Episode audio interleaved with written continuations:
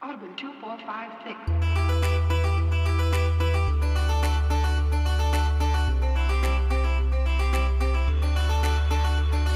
За сайн байцгаана уу та бүхэнд энэ өдрийн мэндийг хүргэе. Болдогки бор бодлоод подкастынхаас мэдчилж байна. Өнөөдрийн маань дугаар бол маш онцлог байгаа. Яагаад тэгэхээр бид нар урд нь хийжсэн яриануудаа бол хэсэгчилж баг багаараа хувааж аваад 2 3-аараа ярьдаг байсан бол а энэ удаагийнхаа дугаараар а 6 гишүүд зургуулаа нийлж байгаад маш тийм чухал гоё сонирхолтой яриаг ярих гэж байна. За тэгээд энэ нь юуны талаар вэ гэхээр инженер гэж юу вэ? Инженерийн мэрэгжлийн талаар байгаа. Яагаад гэхээр манай За надаас бусд нь манай багийн бүх гишүүд а инженер мэрэгчлээ залуучууд байгаа. За тэгээд бүгд а сурхан сураа, төгсгөн төгсөөд, ажиллах нь ажиллаад айгуу тийм өөр өөртөө гэсэн тодорхой хэмжээний туршлагатай, мэдлэгтэй а бас а энэ дугаараар яагаад хийх нь зүв бэ гэж бодсон гэвэл ер нь бол бид нар яг ингээд ямар хүмүүс ямар яриа хийгээд байгаагаа ерөөсөө танилцуулж байгаагүй юм бэлээ. Тэгээд бид нар зүгээр яг хуу чухал гэж бодсон тийм гоё асуудлуудаа ч юм уу ингээд сэдвээ яриад хийдэг гэсэн бол энэ удаагийн дугаараар бас өөрсдөө ингэж танилцуулж юу хийдэг ямар туршлагатай юу ингэж түгэх гээд байгаа гэдгээ танилцуулангаа бас а хэрэгтэй хүндээ мэдээлэл болоосоо гэж хүссэндээ инженерийн мэрэгжлийн талаар сайн муу тал авах хэрэгтэй юм уу байдгаа ирээдүйд хэрэг ингээд явцтай байдаг вэ? Зэрэг маш олон талаас нь ингэж яг найзуудаасаа ингэж хоорондоо зөвлөж ингэж та бүхэндээ яриа хүргэе гэж бодлоо. А бас саяхан яэш болоод дууссан тий а ерөнхий хэлтийн шалгалт. Тэгээд бас энэ бол цаг үе олсон зөв яриа болох гэж бодож байна. Учир нь ирээдүйд инженерээр сурахыг хүсэж байгаа, сурах гэж байгаа хүмүүст бас айгүй тийм хэрэгтэй мэдээлэл болоосэй гэж өссөндөө юм хуу яриаг бас хүргэж байгаа маа. За тэгээд зүгээр сурахыг хүсэж байгаа биш зүгээр л бас боддог, сонирхдаг те. Ямар мэрэгчлүүд юм болоо юу ямар хэрэгтэй байд юм болоо гэж бодсон үн ч гэсэн маш өөртөө байна гэж найдаж байна. За тэгээд а одоо манайхан бүгдээрэнгээс нэг нэг асуулт асуугаад явъя гэж бодож байна. За тэгээд манайхан байна уу? Байна байна. Сонсогдож байна уу микрофоноо? Чамд цамуу. За тийм тэгээд өнөөдрийн яриагаа аа яагаад ер нь та та нар инженер гэдэг мэргэжлийг сонгосон бэ гэдэг эхнээс нь бүр эхлэе гэж бодож байна. Анханасаа яагаад ингэ сонгосон хэр удаа сурч जैन. Тэгээд аа яг та нарын сонгосон шалтгаан ч өчнөө олон мэрэгжил байхад яагаад заавал энэ мэрэгжлийг сонгож суралцж бас ажиллаж байгаа юм бэ гэдгийг асууя гэж бодож байна. За сайн байна уу? Төрөө байна. А би Японы Японы Мурарын их сургуулийн их сургууль дээд үтс буюу civil engineering-ийн инженерээр сурдаг. Одоо дөрөвдүгээр курс. За тэгээд яагаад ер нь инженер тэр дунд яагаад civil engineering гэдгийг сонгосон юм бэ гэхээр Аа, ер нь тэгэл багасаа мат физиктэй сонирхолтой байсан болохоор энэ энэ талдаа байгалийн ухаан талдаа мэрэгжил сонгоё гэж боддог байжгаад. Тэгээд ер нь харж үзэж байгаад Япон Японы ч гэсэн яг энэ энэ талаараа сургалтын сайн нэгдүгээрт тэгээд хоёрдугаарт одоо ер нь Монгол Монголд ойрын дор хаяж нэг 20 30 жилдээ бол баг хамгийн хэрэгтэй хамгийн нөгөө нэг нин хэрэгтэй гэх юм уу? Тэр мэрэгжил нь одоо яг дэдэтсэн инженерийн болов гэж бодоод энэ мэрэгжлийг сонгоод одоо сураад явж байгаа. Аа. За, тийм байна. Аа за далаа байна. Би бас төрөөтэй адилхан дэд үтцэн инженер мэрэгчлээ.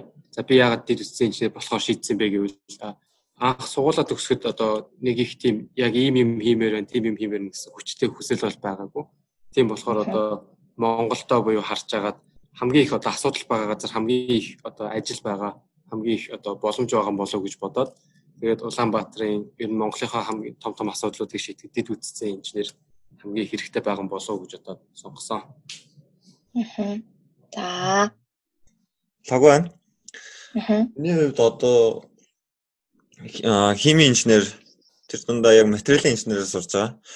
Тэгээд яагаад энэ мэргэжлийг сонгох болсон бэ гэхээр нөгөө бас сая далаа хэлсэн шүү дээ нэг асуудал байгаа гэд асуудал байгаа газар ингээд инженер байх хэрэгтэй гэж бодоод тэгээ Монголд ч нөгөө нэг хамгийн эхлээд бол 10 жил байхдаа нөгөө нэг ашигт малтамлуу одоо тий төмөр мөмөр эднэрийг ерөөсөн нөгөө боловсруулахгүйгээр ингээ гаргаад яваад байна.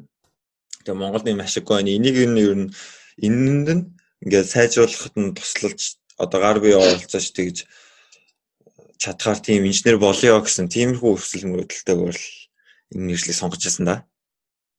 Аа. За тийм манайхан ч бас бүгд өөр өөр салбарын ингээд э, чиглэлээр инженерээр сурж байгаа. Тэгээд тэр нь бас сонирхолтой болоо гэж бөөнд нь ингэж яриулж байгаа. За тэгээд өөр Өөр чинь за дэд бүтцийн инженер, хими инженер, Мишка ноосоо хоёр болохоор За би Мишель цахилгааны инженерээр сурч төгссөн. Гэхдээ одоо болохоор нэг жоохон IT талтай IT гэхээр жоохон өөр хэл өөр мэржэлтэй яг специфик нарийн ярих юм бол гэхдээ нэг computer scientist, software engineering ажиллаар ажилладаг. Тэгээ анх мэрэгчдээ сонгож байхдаа ч яг үнэндээ тийм хүчтэй нөгөө нэг бүгд ийм хиймээр гэсэн бодол байгаагүй ч гэсэндээ ерөөхдөө бүх инженерийн салбаруудад дуртайсан. Тэгээд тэрнээсээ параг нэг Тони Старк мэдэн штэ. Тони Старк нэг Iron Man юугаар төгс MIT цахилгааны инженер төгсчихсэн байхгүй юу? Аа. Цахилгааны инженерийг сонгоод тэгээ ерөөхдөө явцсан байсан. Тэгээ яг явах дундаа бакалаврын зэрэг гэдэг чи бас ороод өөрийгөө олох тийм процесс явагдана. Тэр дундаа бас компьютер код бичих сонирхолтой байна гэдгийг олоод тэгээд одоо энэ мэрэгчлэр ажиллаж байгаа. Nice. Okay.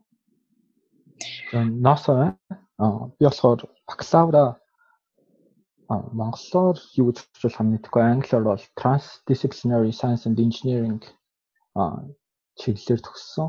Аа болохоор яг ингээд нэг орчуулсан бол салбар дундын инженер гэх юм уу? Ингээд зөвхөн бүр яг нэг инженерийн чиглэлтэй нарыг мэрэгшээгүй Ингээд бүх төрлийн ингээд инженерийн суурь мэдлэг юм сураад олон талаас нь асуудлыг шийдвэрлэх тал руу сурсан. Одоо болохоор мастрын чиглэлээр олон улсын хөгжил хөгжлийн инженер глобал инженерийн девелопмент чиглэлээр мэрэгчлээ сурж байгаа. А тэгээд сургалтын шалтгаан нь болохоор ингээд багаас ингээд олон юм дуртай байсан. Ялангуяа ингээд олон талд ингээд ийшээ тийшээ ингээд сонирхолтой санагдал яваад байдаг гэсэн болохоор за иймэрхүү мэрэгсэн сонирхолтой юм байна да гэсэн үднээс ийшээ орсон. Аа. Төв төв. Окей. За үнэхээр гоё сонирхолтой санагдаж бүгдээрээ бас шал өөр өөр төрлийн ингээд нэг инженер гэсэн ингээд тайтл дор байгаа ч гэсэн бүгд ингээд салаа салаад явцсан ингээд өөр өөр ингээд хэсгийн салбарын учраас маш гоё өгөөжтэй сонирхолтой ярихаа найдаж байна. За тэгээд манайхан ч юм бол хинхэн бол Японд боловсрол эзэмсэн байгаа. А Мишка маань Америкт тий. Тэгээд аа одоо их сургууль мэдээж одоо баг төгсгөө тогтсон төгссөн ажилтсан ингээд тийм туршлагатай янз бүрийн ингээд хүмүүс байгаа гэсэн. Яг ингээд сурч байх явц одоо ч гадаадд ингээд сурахад Монголд бас манайхан бас Монголын одоо инженерийн гэсэн чиглэлээр сурж байгаа гадаадд ингээд эзэмсэн ч гэсэн яг тэр зүгээс нь зүгээр ингээд бусдад танилцуулахад ер нь бол ямар хөө байдаг вэ? Инженерээр гадаадд одоо сурах Япон Америкт те? Яг юу нь таалагдсан бэ? Юу нь таалагдаагүй ч уу те. Эсвэл яг юу ингээд хамгийн гоё өгөөчтэй. За ястаа энд хурж ирэл сурсан болсон байна да гэсэн сэтгэл төрүүлсэн бэ. Тэрнээс жоохон танилцуулбал. За далаа хариулъя. Яг одоо яг бакалаврын зэргийн төвшөнд бол одоо яг суур одоо шинжилгээ ухааны хичээлүүд дээр бол одоо яг контентын хувьд би бол нэг их бас тийм амар бол ялгаа бас байхгүй. Одоо ялангуяа математик, физик те үздэг би өөрөө нөгөө шүтист бас нэг семестр сурсан байхгүй юунаас өмнө Японд ирэхээс өмнө gap ашиглаад тий тэгээд ерөөхдөө системийг харахад ойролцоо хамгийн том ялгаа нь юу вэ гэхээр практик буюу одоо эксперимент хийх тэгээд төгсөлтийн судалгааны ажил хийх дээр айгүй том зөрөө гардаг юм байлээ. Ааха. Айгүй олон дэмжлэг байна уу те? Илүү ингээд facility байдаг энэ төр гэсэн талаас аа юу? Одоо материалын бааз ихтэй. Одоо тэгээд юу вэ одоо Японыг сургуулиугүй ингээ өндөр хөгжилтэй улсууд их сургуулиуд нь яг судалгааны байгууллага чиглэлээр яг жинхнээсээ тэнд тэр салбарынхаа одоо судалгааг хийгээд хөгжүүлээд явж идэг, технологи хөгжүүлээд явж идэг. Тэрэнд нэг оролцох боломж гардаг төгсөг курс өгөхөд ирэхээр. Аа Монголд болохоор яг тийм боломж бас жоохон дутмаг. Монголыг сургуулиуд яг судалгааны байгууллага болох талаасаа бас жоохон одоо хөрөнгө мөнгөний дутагдaltaй тийм хамтран ажилдаг одоо индастри буюу ажил дүрмж бас дутмаг өгдсөн болохоор ялгаа нь тэндээ гардаг бас би бодсон да. Тэгээ нөгөө нэг цахилгааны инженерийн хувийн талаас ярив. Монголд одоо хэрэг явцтай. Тэгэхээр миний харж байгаагаар яг Америкт нэг бакалавр зэрэг авсных нь жоохон зөрүү гарсан л та Монголд очиод цахилгааны инженерээр ажиллах тэ нөхцөл байдал гэх юм уу. Тэгэхээр одоо би яг ихтэй яг өөрөө 100% бүр яг нэг судлаагүй ч гэсэндээ яг тэр үедээ баг нөгөө нэг юугээр компьютер сайенсаар явна гэдэг шийдсээс учраас тэгэхээр Монголд очингууд нэг тийм цахилгааны станцад л ажиллахаас нэг тийм өөр юу гарц байхгүй надаас ерөөсө харагдаад болж өгдөг. Тэгээд яг тэрний юу их жоохон өндөр хүчтэй юу байхгүй юу? А одоо одоо техник технологи юм уу те? Би болохоор Америкт ихэнх сурсан одоо миний нэг тийм сонирхолтой байсан гэх юм уу? Ер нь Америк заадаг юмуд нь одоо нөө чип мип биш те? Одоо нөө семикондуктор нэг одоо жижиг сажиг юмнууд хийхдээ одоо электроник яаж яах нэг тим юмныг айгу гүнзгөрөл судалсан болохоор надад тэгж өөр филд рүү орох нэг тийм сонирхол байгаагүй. Тэгэхээр цахилгааны инженер за Монгол бичих юм байна гэж бодонгууд харин а нэг IT-ийн чиглэлд болохоор айгүйх Монголд боломж байгаа. Одоо жишээл би нэг 3 дугаар курстэй нэг дадлага хийхэд тэ одоо дэлхийд дахин тэгээ глобал хэрэглэгдэх тийм стандартыг хүртэл Монголд бол айгүй хурдан айгүй нэвтрүүлэх боломжтой гэдэг мэдээж сая далаа гэлсэн шиг тийм техникийн бааз гэж юм хэрэггүй юм чинь те бүх юм нэ дээр компьютер левел тэгэл ерөөхдөө бичиж бичээл код гаргачих боломжтой учраас айгүй боломж ихтэй юм санагдсан. Тэгээд энэ ч гэсэндээ нөгөө талаараа Монгол би хэдий дадлага хийсэн ч гэсэндээ тэрийг эргүүлээд Америкт одоо Америкийн компаниудад те ажил олоход надад бас айгүйх тийм хөшөөрөг болж өгч исэн гэж боддог. Тэгэхээр залуучуудтайгаа яалтчгүй энэ салбарыг сонирхоод үзээрэй гэж хэлмээр байна. Мм зөв зөв. Окей. Тийм байна. Бас буцаад дадлага бас хийгээд Монголдо бас сурч ирсэн тийм туршлага байгаа учраас хоёр талыг нь харьцуулж ингэж харж бас фидбек өгөх нь айгүй тийм гой боломж болж байна гэж бодож байна. Аа өөр одоо жишээ нь Японд одоо чинь манайхан засгийн газрын дэлгэр ирсэн манай хоёр гишүү маань аа тийм төрөө лавга хоёрын хувьд болохоор яг ингээд коллежийн левел тэгснэ их сургуулийн левел гэж мэрэгжлийн левел гэж тусдаа ингэж заадаг сурсан гэж бодож байгаа. Тэрнийхээ талаар танилцуулбал ямар шиг байна? Юу байдаг вэ? А би ярьж байгаа. За коллежийн тийм би сая 10 2020 оны 4 сард одоо коллеж буюу технологийн сургуулаа төгсөөд тэгээ одоо их сургуульд орсон бакалаврын 3 дугаар курст ороод сурч байна. Тэгээ ямарсан коллеж бол 3 жил сураад 5 дугаар ангийн ингээд төгссөн байгаа. Тэгээ яг одоо момшогийн талаар энэ тэтгэлийн талаар яриад байвал жоохон утгагүй шүү дээ. Зүгээр ер нь яг коллежид юу сурсан бэ гэдэг талаар ярих юм бол аа манайх чинь материалын инженерийн чиглэлээр материалын курс гэдэг явдаг гэсэн.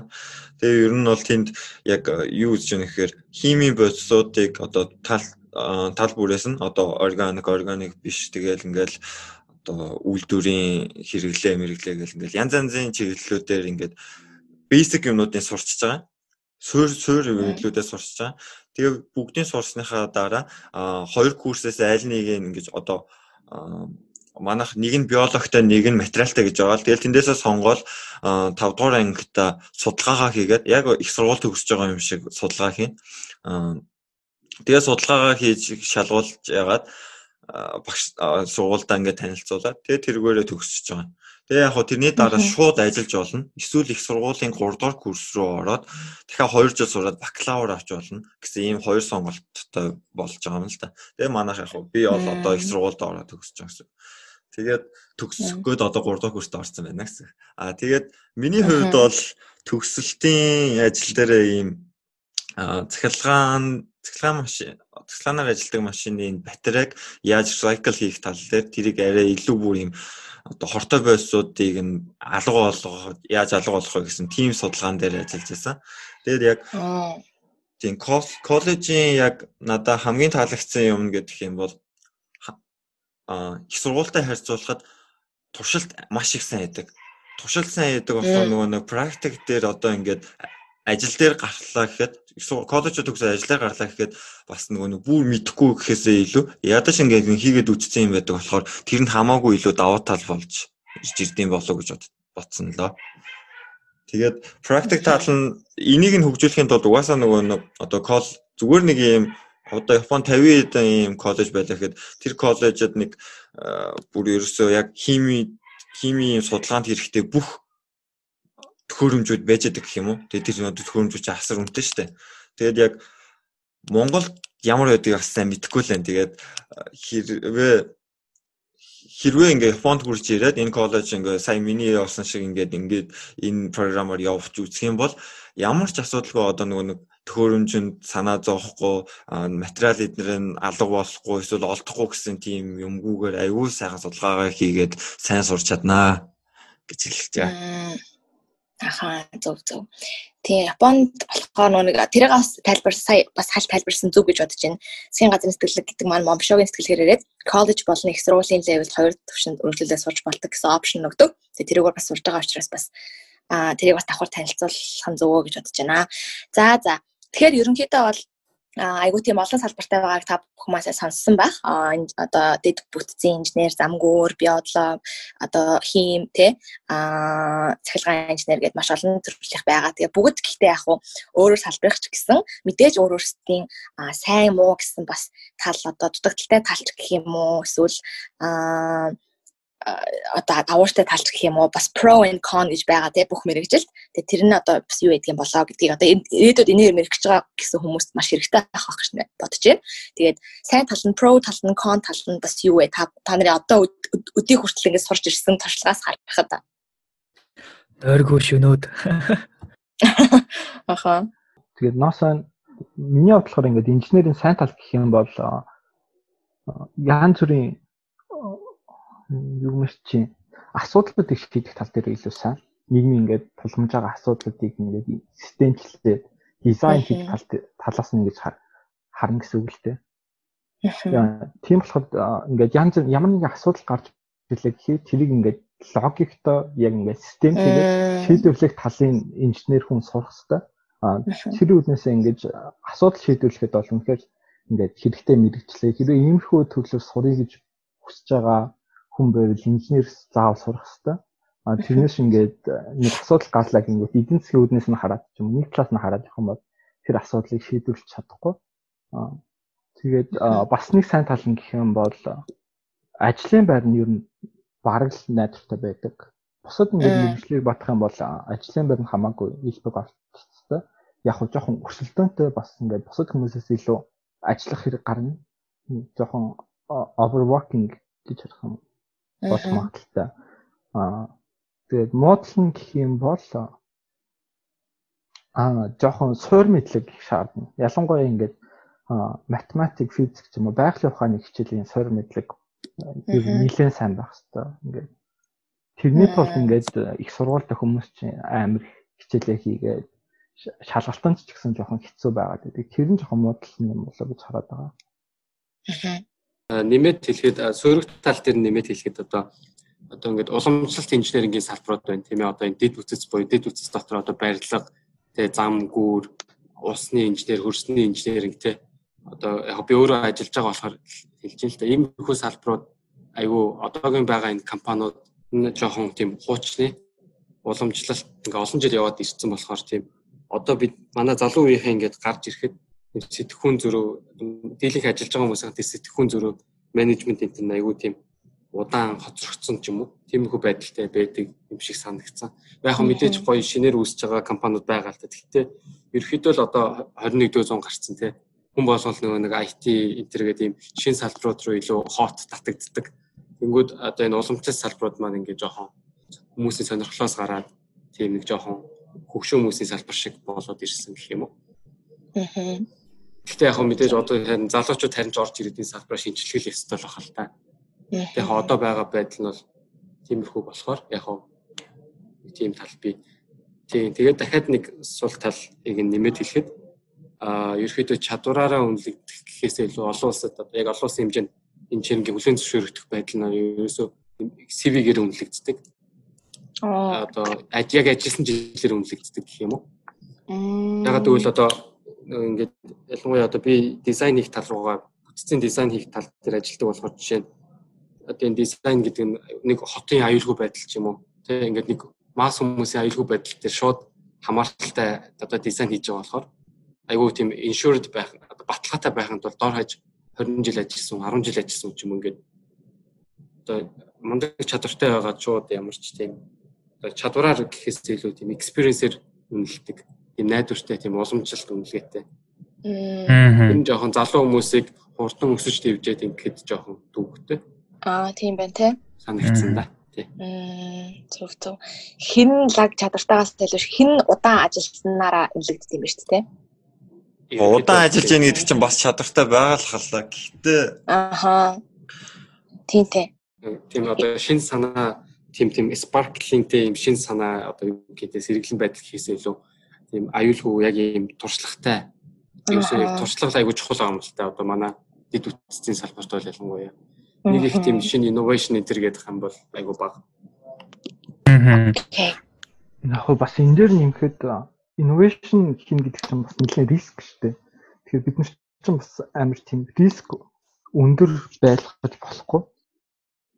Яг л ингээд хүмүүсийн аюулгүй байдал ингээд амьдрах орчинд шууд нөлөөлөхөөр ажиллаж болохоор аль болох эрсдлийг баг ойлгох үүднээс л тийм байдаг байх гэж би бодоод байгаа. Тийм тийм одоо одоо хотын төвийн барилга энэ зэрэг чи одоо нурах эрсдэл одоо тийм үн шин технологи завгар магвар бол хамаагүй шүү дээ. Тийм нурахгүй байх нь хамгийн чухал тийм ээ.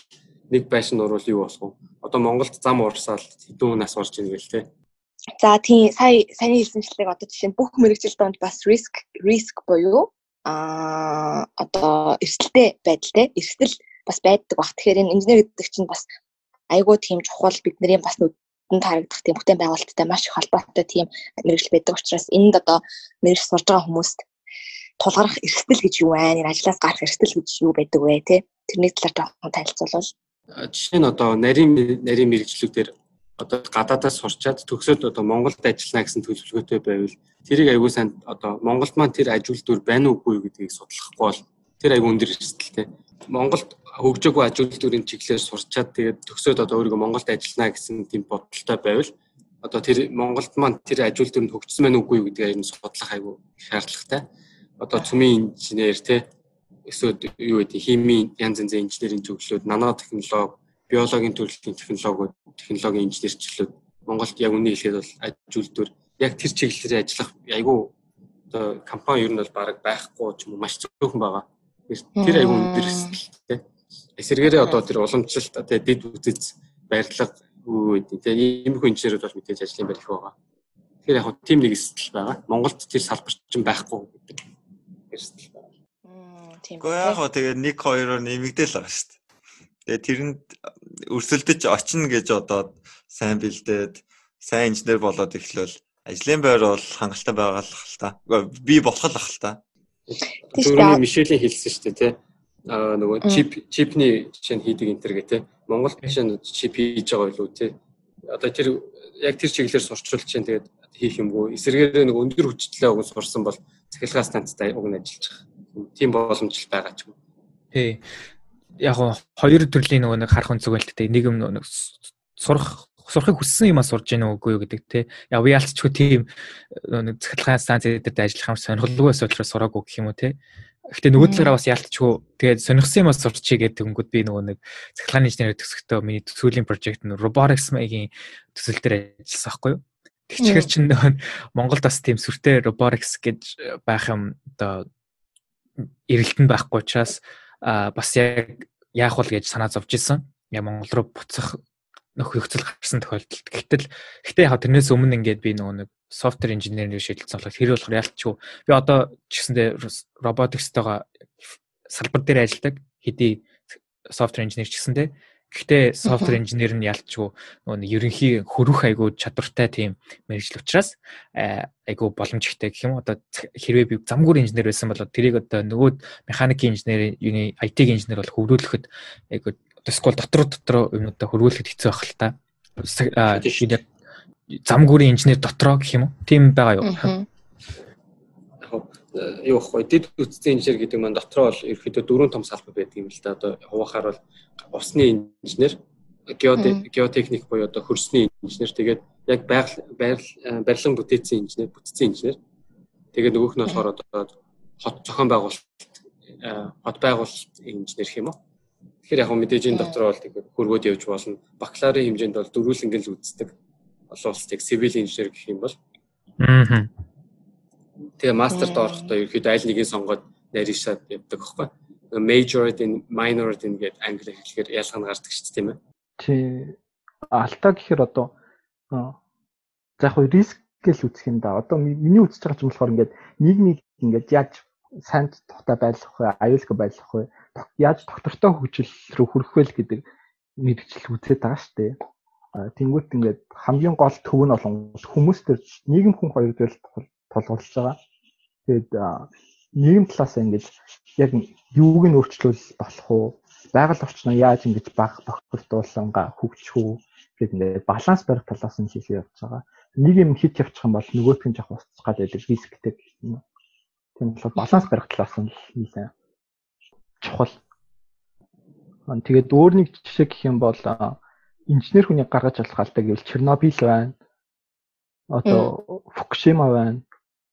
За одоо жишээ нь ингээд Фукушимаг би яг биеэр очиж үзсэн л дээ яг тэр нөгөө дэлбэрсэн реакторын. Тэр бас нэлээд амар юу сонирхолтой байсан. Очингууд ингээл одоо 20 30 км газар ерөөс ингээд хүн байхгүй хоосон хотууд ингээд хот мот чинь нэг одоо 9 жилийн дотор ямар ч амар өөрчлөгддөг. Хүн амьдарч исэн гэхэд бол тэгэл тэнцэн ингээд өндөр өндөр мод ургацсан. Тийм ба ингээд эзэнгөө болцсон. Ингээд хамаг шороонуудыг хуулаад маш ингээд том газар бид нэр ингээд хөнгө болгочихж байгаа байхгүй тэр. Аа.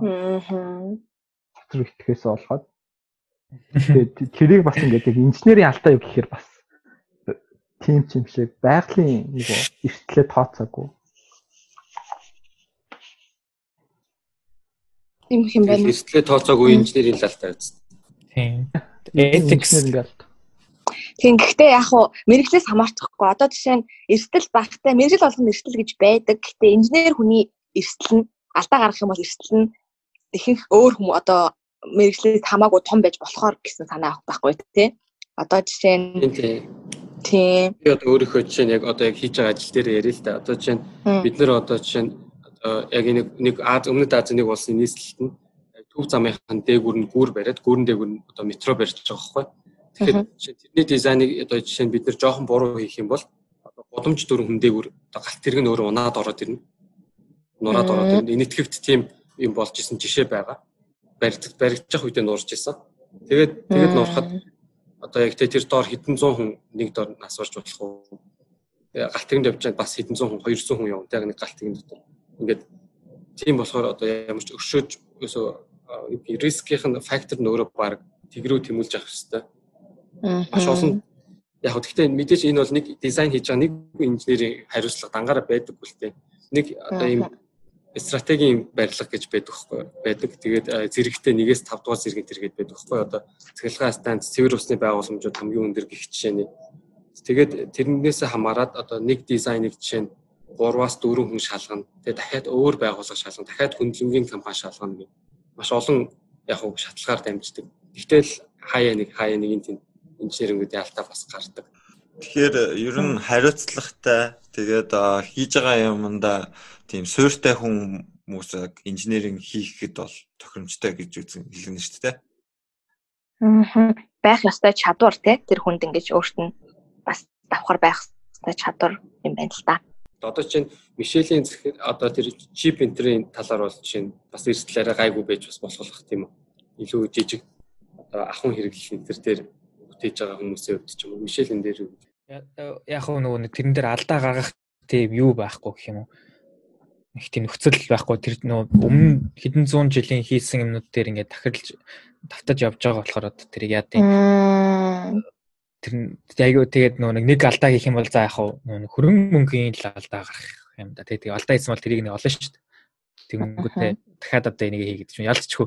Алдаа хийнгүүт энэ нэг чип буруу ингүү тент хүн үхээд байна гэсэн юм бас байхгүй л баг юм ирсэн баг ялч нөгөө Samsung-ийн юм уу тэргээл нөгөө байж тэ одоо батарей материалаас болж байгаа асуудал гэдэг чинь. Тэгээд чиптэй холбоог үчсэндээ электроникийн талаас ярбал тэ зарим нөгөө нэг инженерингийн ethics л орж ирнэ л тэ мөнгө хасах гад тэгээд айгу инженерингийнхаа тийм юг цагийг багсгадаг тий ингээд хөрөнгө мөнгөний багсгачаад тэгээ богино хугацаанд тийм найдваргүй юм хийх гэж. Тиймэрдүүл сэдв төрөг орно бах л та.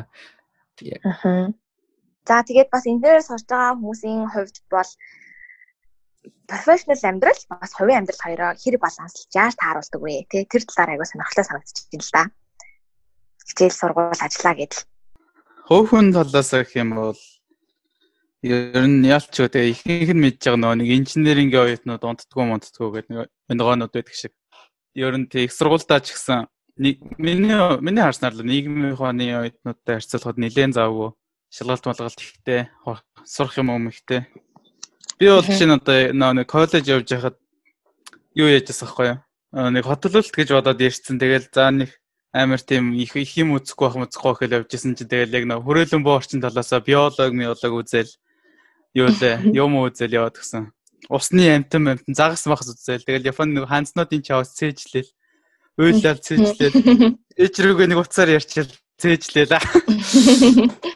Тэгээ тиймэрхүү ер нь ялчгүй ачаал бол их л дээ. Тэгээд тэрийг бол өстой яа харга байхгүй гайгүй байгаа гэж судлаа хэлэх арга бол байхгүй. Угаасаа ер нь бол их тэгээд тэрийг тэгээд угаасаа ер нь мэдж байгаа хүмүүс сонгоё гэж бодож байгаа хүмүүс ч гэсэн даван туулж л гарч ирсэн тэгээд тэгээд даван туулж гарч ирээд бүтээж байгаа юмнууд нь амар өнгөрөө хүн шиг ярихад ер нь бүтээж байгаа юмнууд нь яг ингээд гарт баригдаад нүдэн үзэгдээд явхад амар бахархалтай байдаг болохоор бас нэг бодлын гоё мэрэгжилтэй. Nice. За тийм байна. За тэгээд ер нь бол үргэлжлүүлээд ярихад бас зөндөө олон асуумар юм байна л да. Энд гэхдээ зүгээр шууд шууд э, салгаа салаад асуугаад явчих. Монголд жишээ нь одоо ямар хүлээлттэй байна энэ мэрэгчлэр? Юу одоо хамгийн хэрэгтэй вэ? Одоо хот төлөвлөлт талаараа хамгийн хэрэгтэй байна ч юм уу? Эсвэл замгуур одоо яг бүгд хэрэгтэй байгаа л да. Мэдээж хөгжилж явж байгаа ороо учраас. Гэхдээ та нарын зүгээс одоо ингэж харахад бол Монголд хэр явцтай хэрэгтэй байдаг вэ? уулуурхан холбогдлолтой инженеринг тэгээд хөрсний холбогдлолтой инженерингүүд аа тэгээд усны инженерүүд бас хэрэгтэй байгаа. Химийн инженерүүд бас хэрэгтэй байгаа. Удахгүй нөө нефтийн үйлдвэр маань одоо баригдаж байгаа Монголын анхны энэ этхийн зээлэр. Тэгэхээр одоо химийн чиглэлийн нефтийн чиглэлийн одоо тэрний боловсруулалтын дээр ажиллах тийм инженерүүд хамгийн эрэлттэй болох мэрэгжил гэвэл угаасаа бусад салбар бол явдгаар явж байгаа болохоор IT энэ төр бол угаасаа хилүүлэлтгүй монголчлэлтгүй дэлхийд угаасаа хэрэгтэй байгаа тийм. Тэгээ миний бодлоор бас одоо нэг жоохон матагдаад байгаа юм. Хүмүүс анзаарахгүй бас нь бол нэг талаараа усан усан цахилгаан станц стан тэрэнд тэрэнд ажиллах инженерүүд нэг нэг тэгээ бас нөө нэг хог хаягдл одоо менеж хийх инженерүүд гэх юм уу? Тэр нь бол яг Японд бас яг яг тусдаа салбар байдаг байхгүй яг юу дотроо. Одоо дэдтсэн инженер дотор хог хог юуны хог хаягдлын инженер юм. Тэр талаасаа яг ингээ хогийн бүх дамжлагыг хариуцдаг. Яаж дамжуулаад яаж яаж дахиж боловсруулах юм, яаж боловсруулах вэ? Хаях юм хаашаа хаях уу, яаж хаях уу гэдгийг яадаг.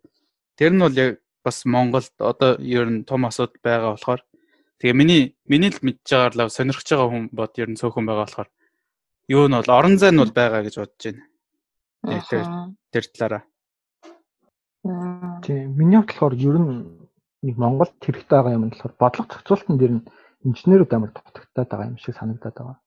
Аа одоо жишээ ингээл нэг төсөл явж хахад өөр нэг төсөл нь орж ирэл би биенийхээ хийсэн юмыг жоохон устгаад байдаг. Одоо хот төлөлтийн инженер нь ерөөсө хот төлөлтөө нэг сайн хийгээгүй ч юм уу. Жил ол гэл нэг замаа ирдлэл юм аа нөгөө хоолоонуудаа засаад байдаг. Хоолой тавихын тулд дахиж ингээл шинээр зам барих маяхан гэдэг ингээд бие биендээ ингээд төвгөө дал яваад байна л да. Тэр зохицуулах юм дээр э, жоохон дутуу байгаа даа. Бодлого бодлого policy гэж хэлдэг шүү дээ. Policy талбараа инженеруудын оролцоо маш татсан байгаа. Зөв зөв. За тэгээд сая Носогийн хэлсэн ч гэсэн ер нь үнэн. Гэхдээ бас миний бодлоор наач нэг харин нэг том асуудлын нэг нэг одоо юу хин шинж тэмдэг гэх юм уу? Тэр талаар бол яг яг инженерч гэдэг инженерээр сурч сурах байгаа хүмүүс ч гэлтгөө ер нь бүх бүх хүмүүс жоохон анхаарал яг мэрэгжлийн хүмүүсийг мэрэгжлийн салбарт нь хүргэх талаар ер нь дор дороо жоохон жоохон ч гэсэн анхаарал явсан дээр хаа гэж бодож байна. Аа. За. Бас энэ дээр нэмж хэлэхэд нөгөө нэг хүмүүсийн нэг юм ойлголт өгдөө шүү дээ тий. Одоо инженеринг эсвэл би энэ үгийг их сонсчихсан байж байгаа. Одоо инженер ч одоо ингээл хөгжлийн инженер ч энэ хөгжлийн зүрхэн тархина гэл ингээл хүмүүс амар их ярьдаг. Гэхдээ яг миний бодлоор хөгжилд бол нөгөө бүхэл мэргэжлүүд нөлөөлж байгаа. Тэгээд инженер гэдэг зүйлийг ингээд нэг юм амар том юм мундаг зүйл гэж нэг хүлээж авахгүйгээр зүгээр л бидний амьдралд хэрэгтэй хэрэгтэй байдаг л юм сайн мэрэгжил гэхдээ хэрэгтэй мэрэгжил гэдэг талаас нь авч үзвэл тийнээс айхгүй ичхгүйгээр ингээд энэ мэрэгжлүүдийг ингээд сонгох юм болов уу гэж бас бодож байна л да. Nice. Зөө тий яг наадах тийш толгуурлаад одоо дараагийн асуултыг тавих гэж байна. Би одоо жишээ нь нэг ийм коуч үүдтэй trust me I'm an engineer а гэж нэг тэгдэж штэ. Тэнгүүт нэг юу ч мэддэггүй хүмүүс маань trust me I know nothing about engineer гэж тэгдэж штэ. Яг тэрнтэй адилхан би бол тийм байрал байгаа хгүй одоо би бол үнэхээр юу ч мэдэхгүй. Одоо та нараас тайз ингээд сонсоод аа тийм биш тийм биш те гэж багсаад ингээд санаа авч байгаа хгүй тэр маань бас яатчгүй ингээд гендертэй холбоотой асуудал бас болоод байгаа. Одоо жишээ нь би мэрэгчлээ анх сонгож байхдаа 10 жил байхдаа ч юм уу ингээл инженер гэл тэгэхээр л надад бүр амар сүртэй санагддаг байсан байхгүй. Зүгээр би чадахгүй юм шиг ингээд айгу тийм эрэгтэй хүний л мэрэгжил юм шиг ч юм уу нэг тим ингээд санагддаг тим ингээд одоо сэтгэл төрүүлдэг мэрэгчлүүд энийг байсан. Тэр маань Тэгвэл гэхдээ хараад үзэхэд зөндөө бол эмгэгтэй инженерс байдаг. Гэхдээ зөндөө их те. Мэдээж айгуу тийм дотмон байгаа эрэгтэйчүүд хамаагүй дамгаалж байгаа. Тэгээ энэ тал дээр та нар юу гэж бодож байна? Одоо чинь зүгээр эрэгтэй хүний зүгээс ингээ хараад үзэхэд хүртэл яаж эмгэгтэй хүмүүсийг оруулах оруулах ёстой вэ гэх үү? Эсвэл яагаад ордоггүй ч юм уу те? Нэг тийм харж анализ хийсэн юм өө байна да. За энэ дээр нэг мэдээлэл өгчээ. 2019 оны одоо боловсролын яамны статистикийн мэдээгээр аа одоо инженер чиглэлтэй үйлдвэр зохион бүтээлч гэсэн иймэрхүү чиглэлээр сурдаг нийт 20 мянга одоо ингээ бакалаврын төвшөнд сурж байгаа 21 мянган хүн байд юм байна л байгаа юм байна л да. Одоо 2019 онд тэрний эмэгтэй тэр дундаас ингээ эмэгтэй гэсэн чинь 5500 хүн байд юм байна. Тэгэхээр ингээ нэг нэг харьцах нь 3 гэсэн арчаатай байна. А тэнгууд өөр мэрэгжлүүдийг ингээ харахаар ер нь нэг нь 2 ч юм уу эсвэл нэг нэг харьцаг нь 1 ч юм уу. Ер нь тиймэрхүү харьцаатай байт юм байна. Аа. Тэг яалтчгүй дутаад байгаа юм л да тий. Аа. Тэнгүүт эмгтэн хүн хийж чадахгүй гэсэн юм бол ерөөсөй байхгүй шүү дээ. Бүр үнэхээр бүгдийг ойлгоол тураалын явахад бол тийм гендрийн нэг тийм хүн бол байхгүй. Тэгсэн мөртлөө яагаад охтууд маань их ингэж сонгодоггүй ч юм уу эсвэл яаж гоё орж болох вэ гэсэн ингээд suggestion хийх юм байна уу та нарт? Гэхдээ Монголд бол санийх сонсоход бол гайгүй юм л да. Гурыг харьцах нэг гэдэг Би бас уншиж ирсэн чинь нэгийг харсан 9 артитай байт юм бил яг гэхэд дахинд эрэгтэй эмэгтэй инженерийн харилцаа. А манай сургууль дээр бас яг 90% нь эрэгтэй байна л да нийт сурч байгаа юмсэн. Тэгээд эмэгтэйчүүд сурдгуу шалтгаан гэх юм бол би нэг жоохон техник технологи гэхээр айчтай юм шүү. Тэгээд эмэгтэй хүн тохирохгүй ч юм уу нэг тийм дээрээс аваад ирсэн тийм төсөөллөөс болоод сурдгуу. А тэрийг одоо үгүйсгий гэх юм бол Бараг стереотип гэсэн үг үстэй тий. Тийм, стереотипаас болоод бараг сурдаггүй байх. Тэгээ нэг имжлэл мэрэгжил биш та ингээд нэг имиж байдгүй шүү дээ. Төсөөлөл нэг тийм ингээл каск зүүсэн ингээд хантаа зүмсцэн ингээд аалт мал байсан. Тиймэрхүү төсөөлөл инженер төсөөлөл байхгүй юу? Орчин үеийн инженер ч юм болохоор яг нэг тийм офисын ажилтнтай яг ижилхэн зүгээр нэг тийм дизайнер гэдэг үүднээс нь ойлгоод их амар. Ямар нэг юм ингээд одоо дизайн яг л дизайнер а юу дизайн хийж байгаа гэх юм бол систем нийгэмдэр болж байгаа системүүдийг инженерчлээд дизайн хийгээд явж байгаа гэсэн. Аа, аста гоёлээ. Тийм байна. Би ч гэсэн одоо жишээ нь 10 жил байхад а ийм ажил байдаг шүү. Ингээд үр дагавар нь ийм байдаг шүү юм уу гэх яг айгуу тийм сайн ойлгодог байсан бол бодож үзэл байсан юм байна. Ийм талаар сурд юм уу, инженер болд юм уу гэж тий. Огт бодож үздэггүй байх, үзэж байгаа байх. Одоо өөр дөр л ч даад үзэхэд тэнгуү тийм хүмүүс бас зөндөө байгаа. Эмиг инженер болсон. Тэгээ нэг юм юуны ажлын хувц өмсөж явж байгаа гэдэг та. Тэгэхээр амин төсөөлөгдөхгүй байхгүй. Гэтэ бол хүс болохыг хүсэж байгаа хүнд бол боломж бол байдаг шүү. Октод манаас ороход бол буруутахгүй тийм айгүй тийм чухал гоё мэрэгэл гэж бодоод байгаа. А тэгээ сая бас нөө нэг хэлсэн гарч ирж байна л тээ. Юуник экземплаар яг яах хэрэгтэй те октодод баг хүүхдүүдэд ойлгуулах хэрэгтэй гэх юм. Тэгээ яг багаас нь ингээд эмх зөвхөн хөвгүүд эзэмшдэг юу юм биш юм байна гэдгийг одоо сонсогчдоос ч гэсэндээ юу хэрж л байна л да. Санал одоо инженерингийн одоо 150 хүүхдийн ангитай байхад 9 хүүхэд нь л эмэгтэйчүүд байсан дэргээ тий. Тэгээ ялцч ингээд өөрийнх нь байгаа ингээд эн чинь бас зөвхөн энэ сурах мэрэгжил гэхээс илүү бас эн чинь нийгмийн бас нэг клуб юу хэсэг шүү дээ тий. Өөрийгөө ингээд хинч нэг тийм ганцаардмал байхыг хүсэхгүй шүү дээ. Ямар ч одоо циркл байсан тий. Тэгэхээр ялч тэр нь нөгөө нэг айгаад нөгөө талаасаа ингээд болдог. Одоо одоо эсэргээрээ болохоор юу шүү дээ. Имлэгийн салбар гэдэг ч юм уу тий. Тиймэрдүү өндөр болохоор эртэжүүдийн харьцаа хамаагүй байгаа гэхдээ бас нэг нэг эсвэл нэг боловсролын салбар гэдэг ч юм. Тэгэхээр тэрэн дээр болохоор эртэжүүд бас яагаад орохгүй байгаа гэхээр мэдээж тэрэнд нэг хүмүүс ордоггүй болохоор л орохгүй байгаа байхгүй тий. Тэгэхээр ийм ордог юм байх шүү, ороод ийм амжилттай явж юм байх шүү гэдэг тийм юуг нь гаргаж өгөх. Үлгэр жишээг нь гаргаж өгөх те. Тийм байгаа байна гэж бодож байна. Тэгээ бас нэг ганц нэг юм хэлчихэд гол нь нөө нэг эмэгтэйчүүд яагаад энийг сурах хэрэгтэй гэсэн чинь инженерингээр сурах. Яа тэгэхээр одоо дэлхийд дахин нөө нэг тренд нь юу вэ гэхээр ялчгүй бүх эмэгтэйчүүдийн давмгаалдаг энэ салбаруудад нөө automation айгүй хөгжөөд одоо accounting те одоо датагаа юу оруулдаг гэдэг ч юм тийм ажлууд багасж байгаа учраас ялцчгүй нөгөө нэг эмэгтэйчүүд ажлын байр нь багасж байгаа гэсэн үг. Шууд бус утгаараа. Тэгэхээр энийг харьцангуй одоо ихсэж байгаа дэр мэрэгчлүүдэд орхон ихсэж байгаа мэрэгжил нь энэ инженеринг мэрэгжил учраас орох хэрэгтэй болов гэж бодож байна. За тэгээд үнэхээр маш олон гой сонирхолтой яриануудыг таалтлаас нь сонсоод айгу гой санагдаж байна л да. Тэгээд одоо бас сая нөгөө нэг ерөнхий эсний шалгалт өгөөд дууссан тий яш хөгтөөд. Тэгээд аа аа яг энэ цаг мөчид бас сонирхож байгаа хүмүүс зөндөө ах энэ мэрэгжлийн талаар тэгээд ирээдүйд бас сурах гэж бодож байгаа хүмүүс зөндөө ах. Тэгээд яг хо сурж байгаа газраасаа бас шалтгаалаад Японд сурахыг хүсэж байгаа хүмүүс гэж хэлсэн ч болно. Эсвэл зүгээр ингээд ерөнхийдөө ингээд хэлж болно. Ирээдүйд энэ мэрэгчлэр сурахыг хүсэж байгаа хүмүүст аа ямар зөвлөх өгмөр дүүнер та тий одоо 10 жилийн хүмүүс ч юм уу одоо бас их сургуульд авах гэж байгаа хүмүүс бас байж болно дээ. Тэднэрт өөртөөхөө зүгээс ямар мэрэгч одоо зөвлөгөө өгмөр байна да. За тэгээд одоо дүнэртээ хэлэхэд аа ер нь бид нар нөө энерги юун дээр дугаар дээр ярьсан ер нь энэ инженерийн мэрэгжил гэдэг маань баг ерөөсөө устж алга болохгүй баг хамгийн сүүлийн мэрэгжил гэж бодож байна. Баг нөө дэлхийн хамгийн анхны мэрэгжил гэж яриад байна шүү дээ. Инженерүүдийг нөө дууган могоо бүтээсэн нөө хүмүүс ч одоо амьдралаа амархан болгох гол зүтгэж зүтгэж идэм юм. Тэгэл амьдралыг амархан болгодог хамгийн анхны хүмүүс нь бол инженерүүд шүү дээ. Тэр шиг ер нь бол инженер инженер гэдэг мэрэгжил бол хизээч алга болохгүй гэж бодож байна. Тийм тийм болохоор ер нь гой мэрэгжил шүү. Тэгээ бас нэг нөө бурхан хүмүүсийг хүний бүтээж бусдын инженерээр бүтээсэн гэдэг шиг янз бүрийн бүтээгээд гоё болохоор тэгээ манай лого бол хайр гаргийнхан хүмүүсийг бүтээсэн гэж итгэдэг юм байлаа. Тэр ч яхаа. Өө надад хэлэхгүй гэж хэлсэн мэт дээ. Тэгэл чи мөнгө шилжүүлэхээ мартцсан байл ч та. За. За тийм тийм өргөж явах. Ер нь гоё мэрэгжил шүү. Тийм мөнхөд явцтай байх мэрэгжил гэж шүү.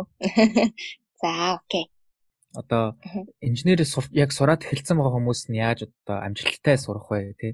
Тийм нэг зөвлөгөө хэлэхэд бакалаврын төвшөнд ерөнхийд нь байдаг юм байж магадгүй л тий. Ингээд сураад төгссөний дараа ажил дээр ч юм уу гараа тий яг нэг тийм хэрвээ хөгжлүүлж нэг тийм мастерын төвшин, докторийн төвшин сурахгүй л байгаа бол бакалавр сурсан юмны нэг тийм хинхэн нэг шууд утгаараа амьдрал дээр хэрэглэгдэхгүй гэх юм уу. Тэгэхээр 20% нь л нэг яг шууд утгаар хэрэглэж байгаа бол тэр бусад тэр 80%-ийн хувь дээр нь одоо яаж асуудлыг шийдэх вэ гэдэг нэг тийм аргачлалаа айгуу сайн хөгжүүлээрэй гэх юм. Яг сэдвээ судлахаасаа илүүтэйгээр энэ асуудлыг шийдэхэд одоо би хинээс юу асуух хэвээр яаж мэдээллийг хаанаас олох хэвээр гэдэг ч юм те. Эсвэл critical thinking гэж ярьдаг ч те. problem solving skills эдрийг хөгжүүлвэл иймэрдүү нөө зөөлөн скил гэж ярьдаг ч те. Тэрийг нь хөгжүүлж чадвал айгүй хэрэгтэй болов. Яа тэгэхээр амьдрал дээр ч гэсэндээ яг гараад хүн юугаараа дүгнэж гинэ гэхээр хэн багаар ажиллаж чадж гинэ гэдгээрээ дүгнэгдэг те. Тэр багаар ажиллахад юу хэрэгтэй вэ гэхээр одоо би зөв асуултуудаа асууж чадж гинэ үү? Энэ хүнийг ядраахгүйгээр залхаахгүйгээр одоо супервайзертайгаа богино хугацаанд айгүйх үр дүнтэй яриа гаргаж чадж гинэ гэдэг зүйл айгүйх хэрэгтэй байхгүй. Тэгэхээр энэ зэргийн асуудал чадруудыг хөгжүүлж чадвал айгүйх хэрэгтэй болов. Тэгээд яг хав мэдээж их сургууль айгүйх инженер гэхээр олон цагийг нойр холгүй өнгөрөх хэрэг гарах бах. Гэхдээ тэр бүхэнд битгий шантараараа мөн давхар одоо бие айгүйх а гамнаарай а ирүүл байгаарай. Ээ ирүүл байгаарай. Тийм айгу зүйлүүн хэлэх хэрэгтэй болов гэж яа тэгэхээр ихэнх хүмүүс айгүйх мартагдвал дөрөхтэй усанд орохгүй явдаг гэдэг чинь айгүйх тийм манай сургууль айгүй жок айгүйх нөгөө явдаг л байсан тэгээ. За. За энэ дээр хэлэхэд за одоо химийнх нь наашаа. Аа. Химийнх нь катмар байна гэж. Химийнх нь Яагаад яагаад химийг сонирхох хэрэгтэй гэж бай. Тийм. Хим гэдэг чинь одоо бүхэл зүйл бас ашиглагдаж байгаа. бидний ашиглаж байгаа одоо энэ компьютер юу гэдэг гар утас эдгээр ингээд бүх юм металл одоо энэ материалуудыг хийхэд хүртэл ингээд химийн инженерийн оролцоо өчнөн байдаг. Бидний хоол хүнсэн ч гэсэн өчнөн байдаг. За тэгээд энэ чинь маш юм чухал мэрэгжил ингээд essential тийм хэрэгтэй мэрэгжил болохоор хүн болгон бас энэний дээр ингэж боддог байгаасаа энэ ямар юм бол гэж ингэ сонирхдаг байгаасаа гэж хүсэж байна. Тэгээд хэлэх зөвлөгөө гэдэг юм бол одоо нөгөө нэг химийн инженер чинь ер нь ингээд лабораторитоо суугаад э нөгөө бодисоо холиод ингээд яагаад судалгаа хийдэг. Тэг ингээд лаборатори хими инженери хоёр чинь ингээд үүсэн салахгүй зүйл واخгүй. Тэгээд ингээд лабораторид ороод олон цаг суугаад юм бодис хэмжээд сууж чадах уу те а бас ингээд аюулгүй аюулгүй ажиллагаагаа бас мөрдөж чадах уу гэдэг ч юм уу. Ерөөс иймэрхүү нөгөө нэг хувь хүний ийм төлөвшлийн асуудал дээр бас ингээд шантарж байгаа манай ингээд Японы найзууд найзууд байдаг гэсэн л та. Тэгэхээр түүнээсээ хандаж хэлэхэд бас ийм сайн сууж сурах хэрэгтэй. Тэгээд ийм анхаарлаа сайн төвлөрүүлж сурах хэрэгтэй. Тэгээ иймэрхүү ийм чадваруудыг эзэмшчих юм бол хими инженер болоход бол айгүй амархан гэж би бодож байна. Тэгээ маш 99% сэтгэлтэй байх хэрэгтэй. Аа. Окей. Nice. За, миний үг зөвлөгөө гэвэл ер нь ихэнхийн манайх хэлчих боллоо. А энэ дээр хэлэгдэг юм гэх юм бол за энэ мэрэг энэ мэрэгжил одоо эргэлттэй ч юм уу зүгээр ирээдүйд би мөнгө олоход а зүгээр юм байна гэдэг сэтгэлийн үднэс сонгыг үлдчихий сонгоорой. А тэгвэл яг сонирхолтой татагдаад сонгох юм бол сонгоорой гэж хэлмээр байна. Яг гэвэл нөгөө яг сурыг гэж орж ирээгүй хүмүүст бол амар хэцүү шантдаг. Стресс нь ч их ордог. Гэхдээ би амар олон мэдэх болохоор. Аа. Тийм тий ирээдүйд гэхдээ Монголд амар хэрэгтэй мэрэгтэй гэж бас нэг сүртэй сонгох зэрэггүй биш үү те. Тийм. Ер нь яг өөрөө дуртай дурлж сонгоорой гэж хэлмээр. Тэрнээс ер нь зөвхөн инженер гэхгүй бүх мэрэгчлийг ер нь тэгээд сонгоорой. Бусад мэрэгчлэг бодвол ингээд хамаагүй их юу хариуцлага өндөртэй бас сурахад жоохон хэцүү олон шин найргүй ер нь хоноглох. Тийм болохоор тэрийг ач гэсэн бодоод сонголтоо зөв хийгээрэй гэж хэлье. Аа. За тэгээд өнөөдрийн маань яриа үнэхээр маш гой сонирхолтой болж өнгөрлөө. Тэгээд аа бас манайхны ямар хүмүүс одоо Балтугийн бор бодлоо гэдэг подкаст маань ямар мембрүүд байгаа. Аа бүгд айгүй инженер хүмүүс надаас бусна. Тийм болохоор би энэ дугаарыг одоо хост ингэж хийж гэн. Тэгээд ямар хүмүүс бас юугаар сурдаг, ямар хүмүүс байдсан байх гэдгийг юуны талаар яриад байгаа юм бэ гэдгийг бас та бүхэн маань багсаа ойлгож авсан байхаа. Тэгээд бид бүхэн инженер гэж юу вэ? Мэрэгч инженерийн мэрэгч гэдэг энэ сайн муу тал нь юу байдаг вэ? Монголд хэрэг явцтай хэрэгтэй байдаг вэ? А риск нь юу вэ? Тэ? бас эмгтээчүүдийг яаж салбарт хэрэг одоо татаж оруулах вэ? Яаж мотивашн өгөх вэ гэд маш олон олон талаар ингэж гоё ярьлаа. Тэгээ та бүхэн минь авах гэхийн ухаанаар хандаж сонсоод аа үнэхээр хэрэгтэй мэдээлэл болж чадсан байхаа гэж найдаж байна. Тэгээд бид нар энэ дээр нэмээд бас одоо өөрөөр ингээд чиглэе. Одоо хийм аа бүтцийн инженер гэл цахилгаан инженер гэл маш олон салбарын инженер байгаа. Тэгээд бас өөрөөр газар сурсан, өөрөөр сургуулиуд сурсан манайхан бас дэлхийн бас шилдэг алдартай дадлаг сургуулиудад сурсан мембрүүд байгаа учраас бас тэр сургуульд яаж тэнцэж орох вэ? Засгийн газарлаг одоо засгийн газрын сэтгэлгээт яаж тэнцэх үү гэх зэрэг өөр ингээд тусдаа нэг дугаар оруулъя гэж одоо бодож байна. Энэ хүү дугаарын дараа. Тэгээд тэр тал дээр энэ болохоор зөвхөн зөвхөн инженерийн талаар ингээд ярьж байгаа ч гэсэн дараагийнхаа дугаар дээр бид нэг хэрхэн материалуудаа бэлтгэх вэ ч юм уу те. Яаж тэнцэж тэтгэлэгтээ суралцах вэ гэдэг талаас нь илүү харж авч яриа бас хүргэе гэж бодож байгаа шүү. Тийм болохоор бас энийг сонсчоо дараагийнхаа бас гоё хүлээцтэй гоё хандаарэ гэж хүсье. За тэгээ өнөөдөр ийм гоё хэрэгтэй мэдээлэл өгч ярилцсан багийнхандаа баярлалаа. дараагийн дугаар хүртэл түр баяртай гэж хэлье. Баяртай.